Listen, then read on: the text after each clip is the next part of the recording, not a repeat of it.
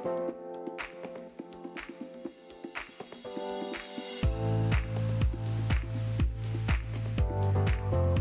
wat leuk dat je luistert. Op zoek naar de liefde.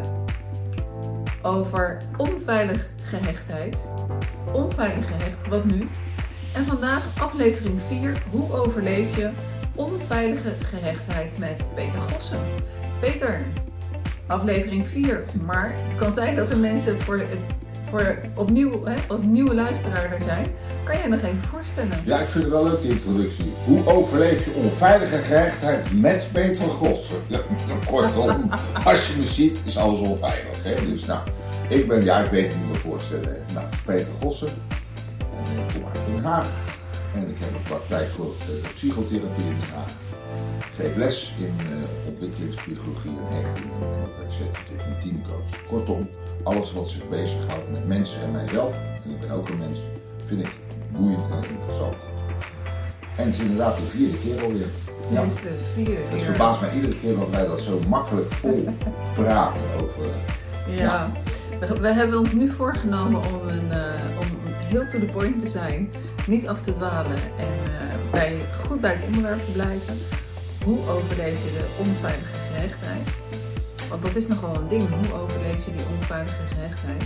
Misschien uh, lijkt het heel moeilijk en valt het hartstikke mee. Misschien uh, denk je het valt hartstikke mee en uh, loop je tegen jezelf aan. Ehm, de eerste aftrap, Peter. Ja, nou, het is wel leuk dat jij zo'n introductie maakt en ze zo. Maak jij maar af, hè? Mazzel. Voetballer, toch? Ik, ik kop ja. hem voor en jij mag hem intrappen. Ja. Nou ja, de gedachte alleen al, hè? hoe overleef je onveilige gehechtheid? Geeft mij al zoiets van, ja, dat is haast niet te doen. Hè? Dat, uh, uh, soms kunnen onze gedachten, ik maak een kleine uitzwaai naar uh, zeg maar onze gedachten en onze gevoelens, daar wilde ik het vandaag ook een stukje over hebben. Ehm, ja, soms kunnen die gedachten zodanig vastzetten, dus ik vind het voorbeeld wel mooi, hoe overleef je het? Dat, dat geeft eigenlijk al een lading aan zoiets. Hè? En uh, ik probeer altijd die lading wat te, uh, te verzachten en te vermijden. Omdat uh, woorden zetten vast. Zo werkt dat echt. Woorden zetten echt vast. Dus op het moment dat een collega van mij roept van ja weet je met deze problematiek moet je misschien naar een ander toe. Want het is wel een beetje heftige problematiek. Dan moet je wel realiseren dat voor de persoon die dat ontvangt. Hè, dat zegt nogal wat. Hè? Want ik ben uh, mensen, ja, ben ik dan gek of uh, ben ik zo problematisch dat ik het niet aan kan. En vanuit die context denk ik dat het belangrijk is dat we ons realiseren dat hechting niet iets is, hoe raar het ook klinkt, want we noemen het wel, hoe overleef ik het. Ehm, maar er zijn diverse mechanismen in ons die wel een overlevingsstrategie creëren. Daar gaan we het straks over hebben ook. Uh, wat, de, wat, wat de luisteraar niet uh, ziet, et cetera. Ik heb er een, een soort samenvatting van gemaakt. Uh, juist om te zorgen dat ik niet urenlang over allerlei dingen kakel. Dus ik zal het eh, wat kort houden waarvan ik denk, goh, misschien herkennen mensen dat wel. Mm. Hè? Ehm, en dat is een overlevingsstrategie die uitstekend werkt tot een bepaalde leeftijd. En dan werkt hij niet meer zo geweldig goed. Uh, en eigenlijk zou ik dan willen zeggen, dan, dan ben ik altijd geneigd om met mensen, en misschien ook nu wel vandaag met jou, te kijken van oké, welke gedachten en welke gevoelens, dus ook de somatics, hè, dus de gevoelens gaan door ons lijf heen. En daar kun je wel heel wat mee doen, zodat het draaglijker wordt. Mm -hmm. En je zegt bepaalde leeftijd, hè? Is het, ja. dan, is het dan echt... Uh, dus 37? Of, eh, eh, of is dat bij iedereen verschillend? Ja, best verschillend. Uh, ja, dat is verschillend. De, de, de, mijn, mijn, neiging zou haast zijn te zeggen, nou 30, dan heb je het gehad. Maar ja, dat wil niet altijd zeggen. Je kan ook 57 worden en dan, dat het dan minder goed gaat werken. Maar misschien is het handig dat ik dan misschien even er iets over vertel. vertel. anders wordt het zo'n wazig verhaal. Vertel. Uh, we hebben het de vorige keer gehad, uh, en ik heb het hier neergelegd over die veilige haven, die plek, veiligheid, uh, vertrouwen, verbinding hadden we het over. En eh, eigenlijk is dat de basis die op jonge jaren wordt gelegd. En die laten we die even parkeren nu. Hè? Die hebben we nu besproken. Er zijn ook een aantal andere elementen die op jonge leeftijd eigenlijk ingeprogrammeerd moeten worden. Dus in het, in het brein gezet moeten worden als een schema die met ons meereist. Een schema is gewoon, ziet als nulletjes en eentjes wat, wat in je hoofd zitten. en dat heeft te maken met vertrouwen, verbinding afstemming. Ik ga er even heel snel doorheen, maar ik ga ze allemaal vertellen. Uh, autonomie, hoe autonoom ben je nou? Uh, je kunt heel autonoom in je werk zijn. Je kunt autonoom zijn in opvoeding, maar ben je ook autonoom naar jezelf en ben je autonoom in die relatie die je hebt? Hè? Want daar gaat het ook om. En hoe zit het eigenlijk met de eigenwaarde en liefde en seksualiteit? Nou, ik heb hem er maar eens ingegooid daarnet. Daar, ja, daar komt hij. Mooi, ja, mooi, ja, mooi. vooral de liefde en seksualiteit. Mm -hmm. Ja, nou, dat kan een heleboel meer mis zijn, hè? dat weet jij misschien meer van dan ik. Ja, niet dat het mis is bij jou, maar ik bedoel, uh, ja, ja, ja, toch, uh, kijk. Je, je, refereert ook naar de, naar de serie Geen Seks, wat nu, om ja. te beluisteren. Ja, en dan hebben we het ook nog seksualiteit, heeft met seks te maken.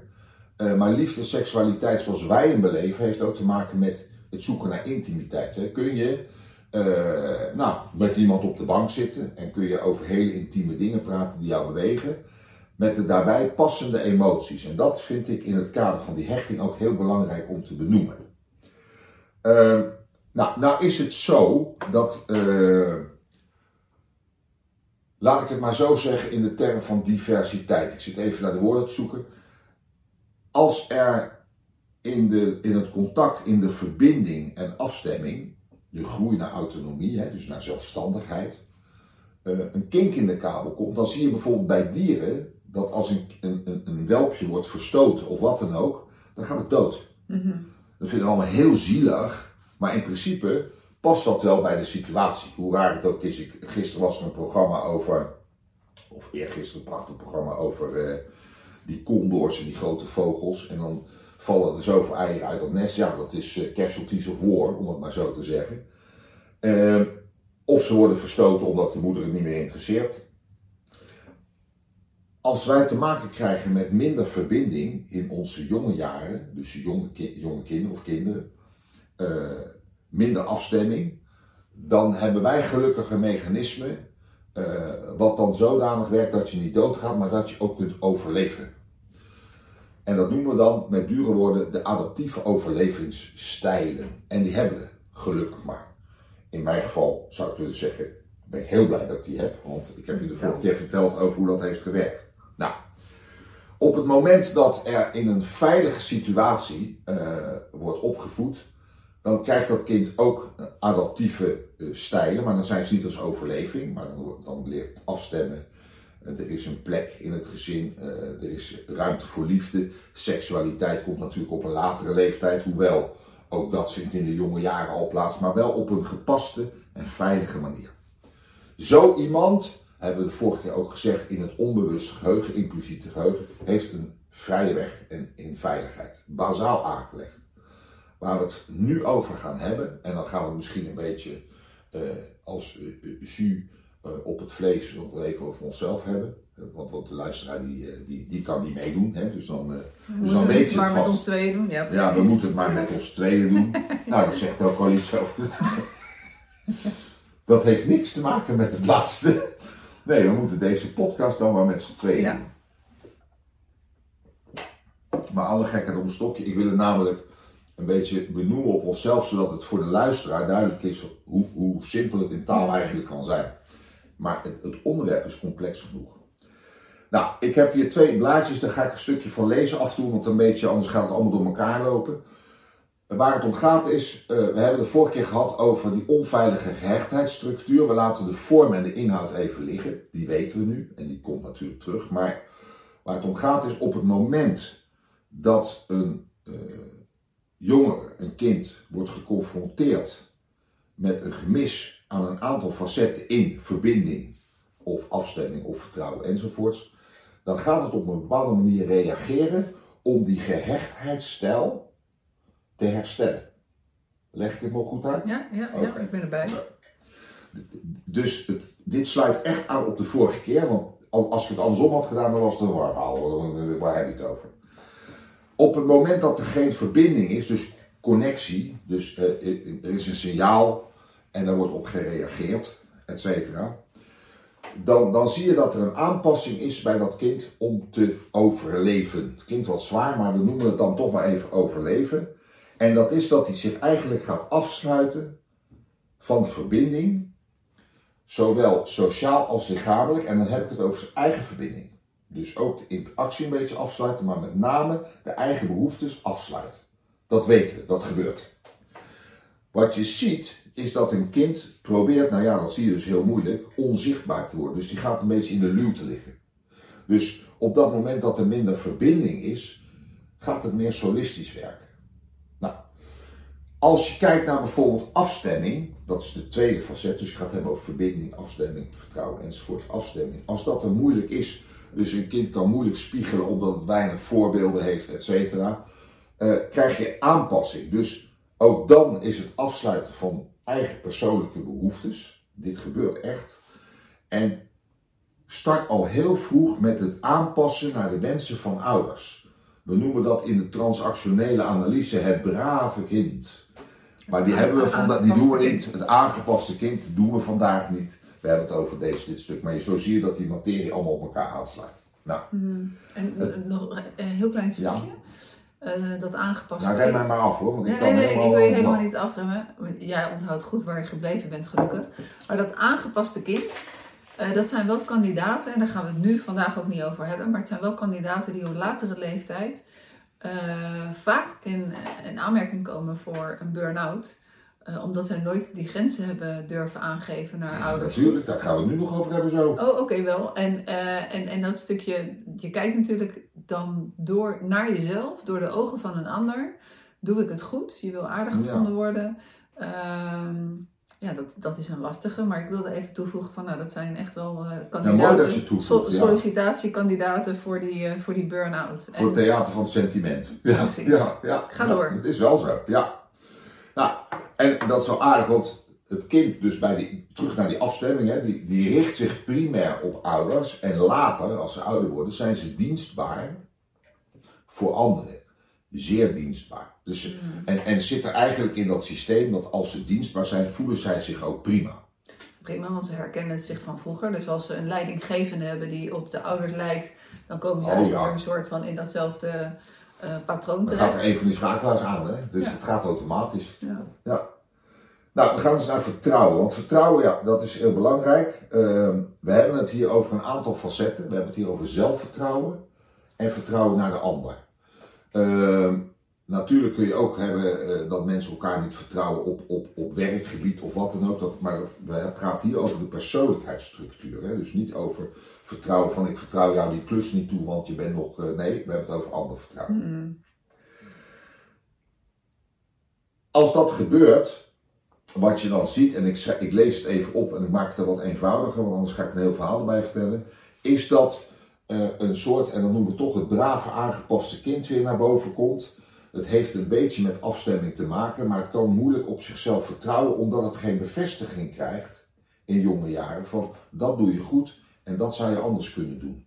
Dus het moet maar vertrouwen op wat er zich aandient. Alleen wat je merkt, is dat er naar buiten toe uh, een beeld wordt geschetst uh, dat het een grote mate van zelfvertrouwen is. Van binnen werkt het anders. Is men onzeker. Dat zie je trouwens op latere leeftijd, zullen we straks komen, zie je dat ook terugkomen. Dat mensen zich groter voordoen als dat ze daadwerkelijk zijn van binnen. Dat is het woord. Dat vind ik wel handig. Je doet je groter voor als dat je van binnen bent. Ja. ja. Herken je dat bij mensen uit jouw praktijk ook? Ja. Ja. ja. ja. Ik vraag er ook altijd wel naar. Dan zit ik zoiets te vertellen. Ik, ik doe dan een beetje zo'n zo verhaaltje. En dan zit ik te kijken naar iemand en zeg, ja, ja. Ik zeg, goh, toen jij binnenkwam, hier had ik echt het idee van, nou, wat komt hij hier doen en dat soort dingen. En dat zit, er zit geen andertje onder het gras, dat meen ik dan ook. En, en dan zegt iemand, ja, dat lijkt van de buitenkant meer dan dat het van de binnenkant is. Ik zeg, nou, ik zeg, mag je nog niet omhelzen, maar ik vind het echt fantastisch zo mooi als je dat benoemt. Want dat herkennen we allemaal wel zo bij tijd en ik, ik denk ook dat het uh, veel vaker voorkomt dan dat we ook denken. Mm -hmm. Ieder, iedereen wel zoiets heeft van, uh, ja. ik doe me iets groter ja. voor. Nou, en, en, Dan moet je, ja, en het hoeft niet gelijk dan te relateren van, oh, daar hebben we, hebben we hechting weer voor of wat. Want dat zou te kort door de bocht zijn, vind ik.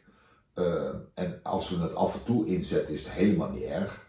Denk maar bijvoorbeeld aan eh, iets heel leuks. Eh, Zo'n jonge knul van, die een overschot aan testosteron heeft van 19, die ziet daar een bloempje lopen van 18. En die gaat als een haan natuurlijk, achter die kip aan. Dan gaan we natuurlijk niet roepen van, vriend kom eens terug, want we gaan even over je gehechtheid praten. Nee, dat, dat doen ze, dat, nee, kijk naar dat vind ik gewoon leuk ook. Dat hoort er ook een beetje bij. Mm.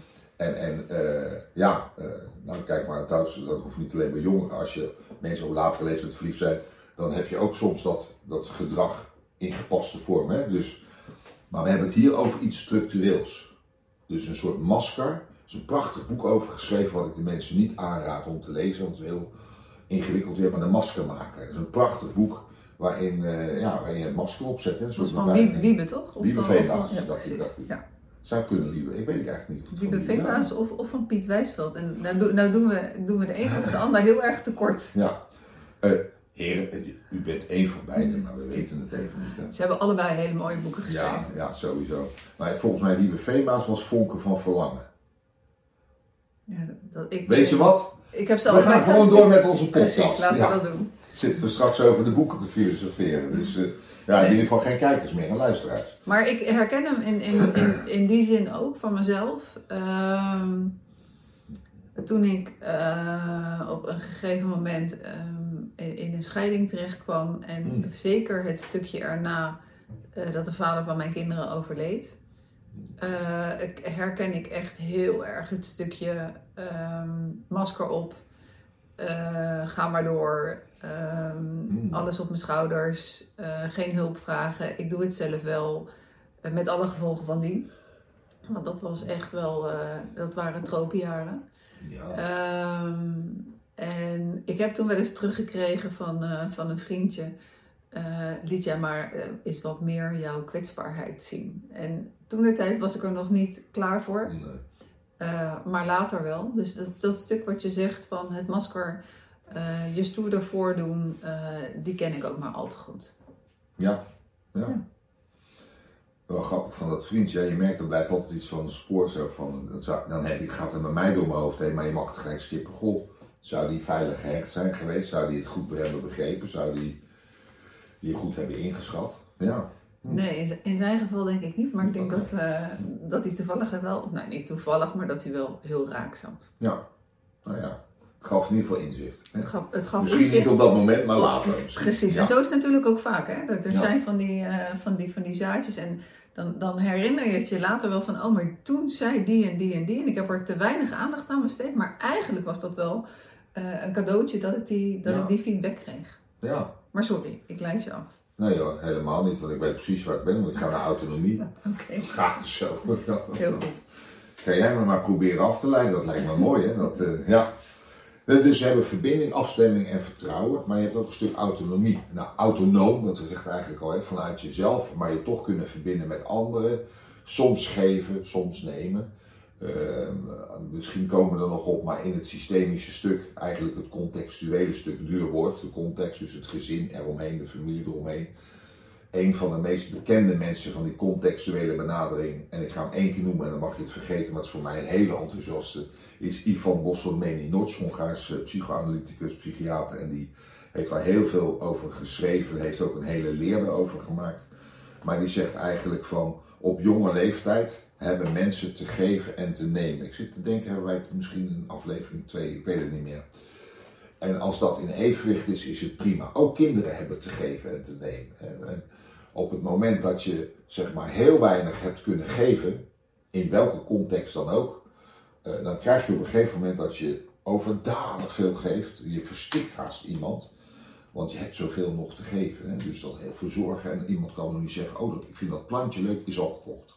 Nou, noem alle, alle voorbeelden maar op. En dan eindigt zo'n relatie toch. Omdat, eh, en dan snapt die persoon en denkt, ja, maar wat wil iemand dan nog meer? gegeven. Ja, ja. Het kan wel eens te veel zijn dan. Ja, ook jezelf. En daar hebben we het bij autonomie over. Soms zijn er in relaties, en daar kunnen wij nog uren over praten, dat weet ik helemaal zeker, maar zijn er in relaties situaties waarin iemand haar of zijn autonomie opgeeft om bij die ander eh, maar te blijven en niet verlaten te worden. En dat is apart, want bij de ene persoon kan dat, ja ik ga nu warm draaien, bij de ene persoon is dat dan bij, is dat niet en dan krijgt iemand een andere relatie en dan is het wel. Wat? Hoe dan? Hoe werkt dat? Dat vind ik heel boeiend om dat te onderzoeken, maar dat heeft wel te maken met het feit dat op gebied van autonoom uh, handelen uh, is er wel een, wat we duur, noemen, adaptief overlevingsstijl. Dus het is, uh, bij de een kan je, kan je zeg maar jezelf wel autonoom neerzetten en bij de ander niet. En mensen die echt hele veilige structuur hebben, die zijn overal, ja, soms wat meer of minder, maar die zijn overal wel redelijk met hun grenzen aan het bewaken. Ja, ik hoop dat ik het goed uitleg. Hm, die zorgen overal dat een bier bier blijft en een wijn wijn blijft. Ja. Er mag een beetje water bij, maar Ja. eh, hij, hij blijft wel, Ja. eh, hij blijft wel goed te drinken. Bier en water. Ja, oké, goed zo. Nou, maar ik snap wat je bedoelt. Nou, en dan heb je liefde en seksualiteit. Als, als jongeren dat verkeerd of niet aangeboden krijgen. Eh, ik bedoel niet seksueel. Ja, dan moet ik wat- Wacht even. De seksualiteit is natuurlijk wat anders. Het is de groei hè, van leeftijd. En hoe dat dan wordt aangeboden. eh, hoe, hoe het gereguleerd wordt. Wat iemand leert van goede zeden. Nou, als je dat even terugpakt naar liefde. Dat, eh, dat is dan een klein onderdeeltje ervan. Maar liefde is gewoon de koestering. En de bedding, hè, zoals ik noem. De, de, de cirkel van veiligheid, zoals we dat bij hechting noemen. Je kunt gaan, maar als je in nood bent of je hebt vragen of je wilt terugkomen, dan ben je er.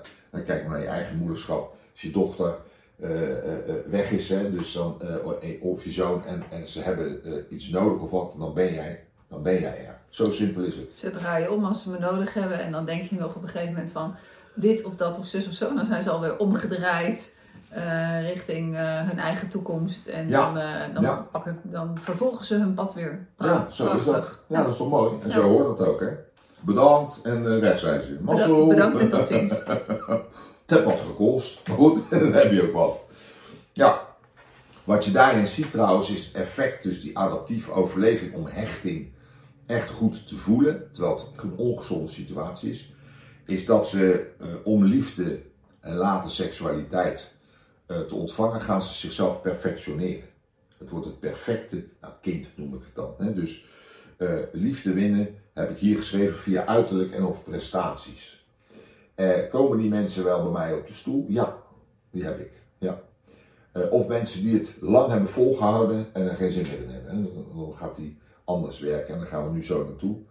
Ehm, maar dan heeft het meer te maken met eh, keeping up appearances. Dus het uiterlijke schijn, die moet gewoon heel goed en perfect zijn. En eigenlijk, afzwaaiertje, ik heb het niet voorbereid, maar ineens zit ik aan te denken. Dat gebeurt me wel vaker. Die hele reclamewereld, die gaat eigenlijk over, nu draait het iets bij, maar over perfectie. Als ik naar tv kijk, wat ik al vorige keer vertelde, ik doe het niet vaak, maar ik zie natuurlijk ook wel eens het nieuws, dan heb ik die reclame en die, zo ervoor. En als, ik dan, als de doelgroep jongeren is, dan word je heel veel geconfronteerd met, ja, ik noem dat dan maar de perfecte jongeren. En die, ja, voor mij is iedereen wel, eh, eh, nou ja, nie- niemand is perfect en iedereen is perfect. Ehm, maar er wordt wel heel veel dingen afgeschilderd. En eh, het hele verhaal TikTok en al die filmpjes, waarmee ik niet zeg dat het verkeerd is, hè, want wie ben ik? Ik bedoel, prima dat het er is, die, die, die social media. Alleen die reclameuitingen die kunnen soms wel eens over de top zijn. Dat bedoel ik eigenlijk te zeggen. Of vind jij dat niet? Of ben ik een beetje ouderwetse sukkel aan het worden of zo? Nou, daar, laat ik me niet over uit. Oh. Nee, maar die reclamewereld en vooral de influencers, eh, de, de modellen waar die eh, nog slanker dan slank zijn, ja, daar komt wel een heel klein beetje verandering in. Dat je tegenwoordig ook wel wat vollere modellen ziet. Bij Dof. Precies. Ja, Ja, ik heb er een. Ja. ja. ja, ja. Ja. Maar ik zag laatst iets bij, ik zit dan wel eens te kijken naar, en dan gaan we door, maar toch is dit ook actueel, wat ik nu benoem, vind ik. Bij, eh, bij RTL, hoe heet dat programma? Nou, dan zou ze, ik, ik, ik ben zo slecht in die namen. Het is voor het nieuws. Ja, het is voor het Dan zitten ze met z'n drie altijd, eh, dat deden ze allemaal leuk te becommentariëren, et cetera. Nou, maakt ook niet uit. Daar liet ze iets zien over een, eh, zo'n een mode-icoon, die was dan overleden, maar die had, er was toch een show voor hem.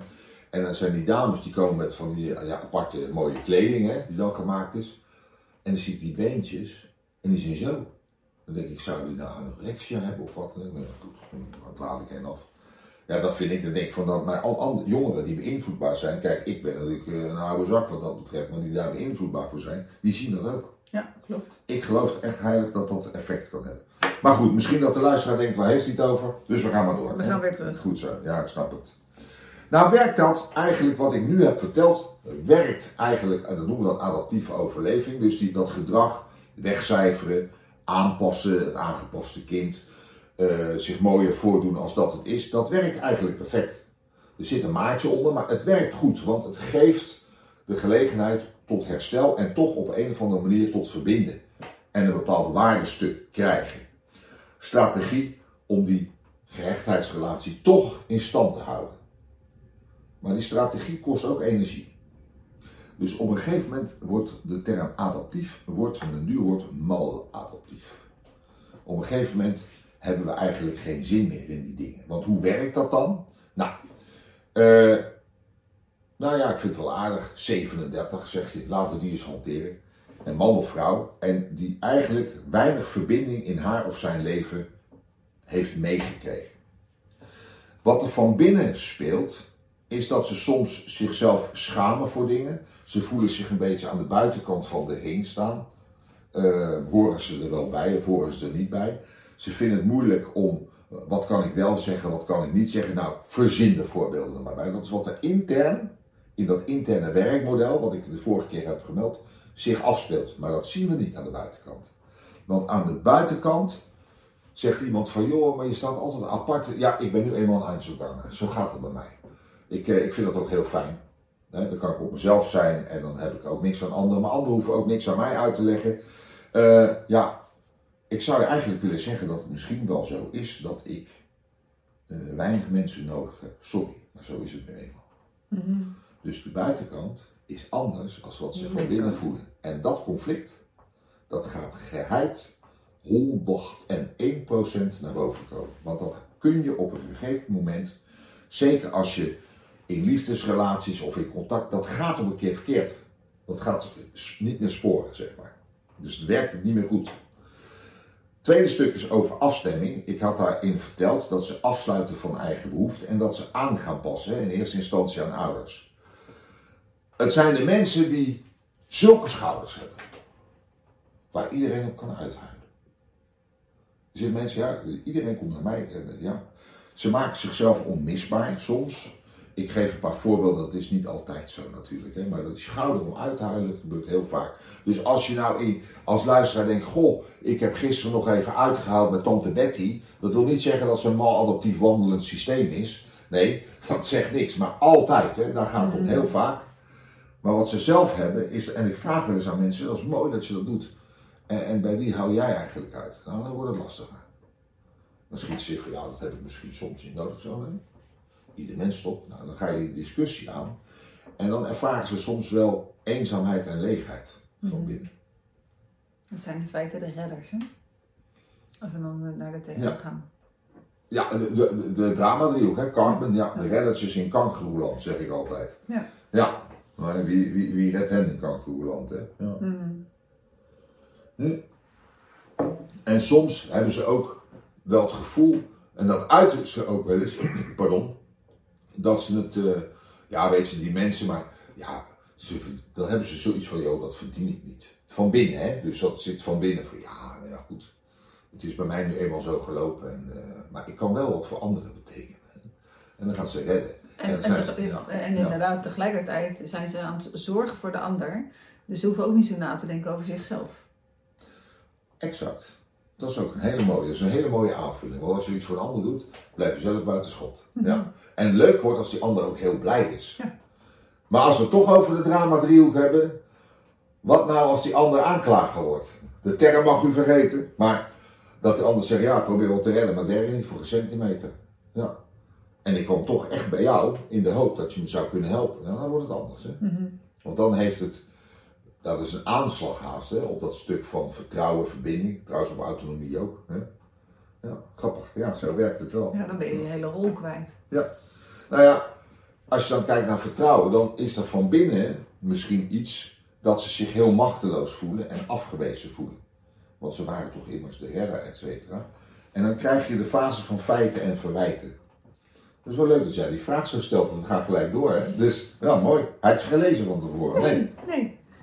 Ja, en dat vind ik wel mooi, want de aanvulling is eigenlijk dat het heel menselijk is wat er gebeurt. Hè? Dus, en, en dan om het toch onder controle te houden, eh, ja, gaan ze feiten en verwijten doen, gaan ze zichzelf verdedigen, zeg maar. Maar die, eh, die vesting blijkt vaak een façade te zijn, is wat zwakker, zeg maar. En dan komt dus het moment dat iemand moet zeggen van ja, ik heb het wel heel erg geprobeerd, maar ja, zelf uh, zit ik misschien ook niet zo stevig in elkaar. En daarmee stap je eigenlijk uit de, uit de drama driehoek, maar goed, dat is weer wat anders. En ja, leuk. God, ja. Ik had het niet voorbereid, want het is wel grappig, ja. Hij komt even tussendoor. Ja, nou, de, de autonomie. Uh, van binnen zijn mensen boos of opstandig, want ze willen nu eigenlijk wel eens voor zichzelf opkomen. Maar aan de buitenkant zijn ze heel meegaand en lief en aardig. Dat gaat een tijdje goed, maar gaat over mal adoptief en dan ontploft de hele zooi. En dan snapt de partner of de zakenpartner of de relatie, die snapt echt helemaal niks van. Heb jij nou ineens over? Ja, ik heb altijd weggezegd. Drie relaties te vormen, dat maakt niet uit. En in één keer barst die bom. Ja, en dat, en dat zie dat vaak gebeuren. Niet vaak, maar ik zie het wel eens gebeuren. Autonomie is echt een knagend iets aan iemand. Nou, dan heb je liefde en seksualiteit. Is eigenlijk, ja, eh, ze zijn toch vaak afgewezen en beschadigd. En eh, ook in de hechting, hè, dus ze doen zich mooier voor en eh, het is uiterlijk vertoon, eh, perfectionisme. En ik noemde er net nog eentje, ze wijzen ook vaak als eerste af, want dan worden ze niet afgewezen. Precies, dat Ja. is veiliger. Ja. Weet je wat ik wel bemerk, Annette? Het wordt wel heel gezellig, hè? Het is al, je zegt, het is wel heel erg leuk dit. Ik ga zo aan een borrel. Ja, ja, maar het is wel de realiteit. Ja, ja. Mag jou eens een vraag stellen? Kom maar op. Herken jij iets van wat ik heb? eh, het is misschien wel veel tekst geweest, zit ik ineens te denken. Nou, ja, ik, ik zit ook ge- ik zit Hmm. en naar je te luisteren en ik zit Ja. ook eh, tegelijkertijd eh, te reflecteren op mijn eigen leven. En, en ergens van alles is er wel in een bepaalde fase, of eh, ja, weet je, niks menselijks is mij, eh, is mij vreemd. Ehm, dus, dus er zit van alles wel iets bij. Ja, En ehm, ja, het, het stukje eh, water bij de wijn doen, ehm, die, die autonomie. Ehm, nou, als, als ik naar mezelf kijk, van eh, ik was twintig toen ik eh, mijn eerste eh, echtgenoot ontmoette. En hij was 19 jaar eh, ouder, dat zei ik toen straks ook al Mm. eventjes. Eh, wat was ik toen eigenlijk nog? Ik was wel, eh, ik zei net al, eh, ik ben enig kind. Eh, mijn ouders waren gescheiden toen ik vier was. Ik was echt wel een prinsesje. Hm. Of een klein koninginnetje. En toen ging ik de relatie eh, in. Als het dan niet zo ging zoals ik wilde, dan, dan kon ik dat maar heel moeilijk begrijpen. Eh, maar als ik dat vergelijk met de vrouw die ik nu ben, en alles wat je dan eh, in het leven leert. En er zijn heel veel dingen op mijn pad gekomen die absoluut niet op mijn wensenlijstje stonden. Waar ik Hm. over wilde leren. Ik zou graag een cursus fotografie doen of allerlei leuke dingen. Maar er zijn dingen ehm, op mijn leven, in mijn leven gekomen. Hoe, hoe, hoe verwerk je een scheiding? Eh, dan, dan word je daarna word je, eh, op een zeer eh, speciale manier word je weduwe, want je bent al gescheiden, maar toch overlijdt de vader van je kinderen. Ja, ik vond dat ik weduwe was, maar op die manier weduwe zijn, dat, dat, ja, dat vindt de buitenwereld niet altijd helemaal. Dan moet je in je eentje twee kinderen opvoeden. Eh, daar heb ik ook heel veel dingen van, van moeten leren. Eh, maar, maar wat ik wil zeggen eigenlijk is dat, dat ik dat prachtig vind in dat hele leerproces, ontwikkelproces van ouder worden. Ik ben denk ik een, eh, sowieso helaas ook wel, nou niet helaas, integendeel denk ik, uiterlijk totaal anders, maar vooral innerlijk totaal andere vrouw dan toen ik 20 Ja. was. En toen ik 24 was, trouwde ik voor de eerste keer. En toen ik 56 was, uh, trouwde ik voor de tweede keer. eh, dat, dat zijn echt eh, totaal andere boeken, andere, andere levensverhalen. En dat vind ik wel heel erg mooi. In, ja, zeker, ik herken stukken van bepaalde levensfasen. En dat is ook mooi. Daar, daar maak ik me niet meer zo druk om. Nee, dat heb ik gehad. Ja, dat hebben we gehad. Ja, mooi is dat, hè? Ja, en dan zie je anderen er weer mee worstelen. En, eh, en die laat ik ook worstelen. Ja, daar hebben ze namelijk ook recht op. Ja, Ja, ja. zeker het worstelen. Ja. En als ze dan Ja. eh, eh, naar de praktijk komen, of het nou samengestelde gezinnen zijn, of er zijn mensen die worstelen eh, met ontrouw, gewoon met hun, hun relatie. Ja, dat is. Ik, dat, ik vind het altijd mooi om te zien eh, hoe mensen daarin kunnen staan in het stukje hoe reflecteren ze op zichzelf. Wat, wat, wat zijn ze bereid om die onderzoeksvraag eh, om verder te kijken, dieper van binnen naar zichzelf. Hm. En dan om te kijken van oké, wie ben ik eigenlijk? Hoe verhoud ik me tot deze relatie? En, eh, en wat wil ik daarmee? Ja, wat ik, wat ik zelf zie bij mij is dat als je eh, bijvoorbeeld, je hebt het over mensen die bij jou komen of stellen die bij jou komen. Nou, stellen die komen ook bij mij. Hoewel ik ook veel individueel werk doe, maar die komen ook bij mij. Ik vind die dynamieken tussen mensen zo mooi. En wat ik ook heel mooi vind is, eh, nou ja, we, hoeven niet de facetten van ontrouw of trouw, want, want dat is een andere podcast bij jou. Hè, dus laten we niet die, dan gaan we het een beetje door elkaar halen. Hoewel, het heeft wel met veel dingen te maken. Ehm, maar wat ik wel bemerk zijn twee dingen. Daar ga ik toch iets over zeggen. En ik- het tweede, daar wil ik het meer over hebben. Wat zijn dan in zo'n eh, eh, samenstelling de afspraken die gemaakt zijn? Welke overtredingen zijn er dan? Of zijn er eigenlijk geen afspraken gemaakt, maar zijn er stil, stilzwijgende afspraken gemaakt? Die waarschijnlijk eh, verwacht wordt dat de ander die wel begrijpt, maar die nooit uitgesproken zijn. Lees het stukje wat ik hier heb liggen en wat ik heb verteld. En de andere is, en daar heb ik jou iets over horen vertellen, ook vorige keer over, en dat noem ik de legaten die je meeneemt, de erfenissen van eh, ouders weer, die onze kinderen trouwens ook weer van ons meenemen, vanuit liefde gegeven. En die dan op een bepaalde manier daarnaar kijken. En dat is het laatste stukje misschien voor vandaag, wat ik dan eh, zou willen doen. Dat ik zeg van oké, soms heb je wel eens dat je veel dingen meemaakt. En dan hoor ik mensen zeggen, ja, maar ik heb twee kinderen, of drie kinderen, of één, weet ik veel. Eh, eh, dat wat in dit stuk wat ik heb gedaan en wat mij is overkomen, ga ik zorg voor dragen dat het mijn kinderen niet overkomt. En dat vind ik een hele boeiende. Want daar zitten ze voor mij, want het is namelijk wel gebeurd. Dat is apart, die rolverwisseling en die legaten. En ik hoorde jou de vorige keer iets zeggen, en ik heb dit niet voorbereid, maar dat, komt, nou, dat gebeurt wel vaker. Maar dat ik denk van, goh, hè, van, je, je, je neemt ook een boodschap, eigenlijk, het is een boodschap die je meeneemt. Daar ga je op reageren als jong kind, et cetera. Je neemt het mee. Ehm, we hebben vastgesteld, het is geen drama, het hoeft geen drama te zijn, maar het werkt op een gegeven moment niet meer goed. Nou, dat vind ik heel mooi hoe je dan zegt eigenlijk, ja, ik ben getrouwd met 24 en ik ben nu weer getrouwd. En eh, los van dat we er uiterlijk anders uitzien, omdat we ouder worden allebei, iedereen, hè, maar van binnen worden we ook wat ouder. En gelukkig ook wat wijzer. Gelukkig heel veel wijzer. Ja, ja, wel. En, maar, en, en ook nog niet perfect. Absoluut Nee, maar die legaten neem je wel mee en die geef je ook weer door. Ja. Dus, en wat ik vaak tegen mensen zeg, is, want die zeggen van ja, hoe kan dat dan nu?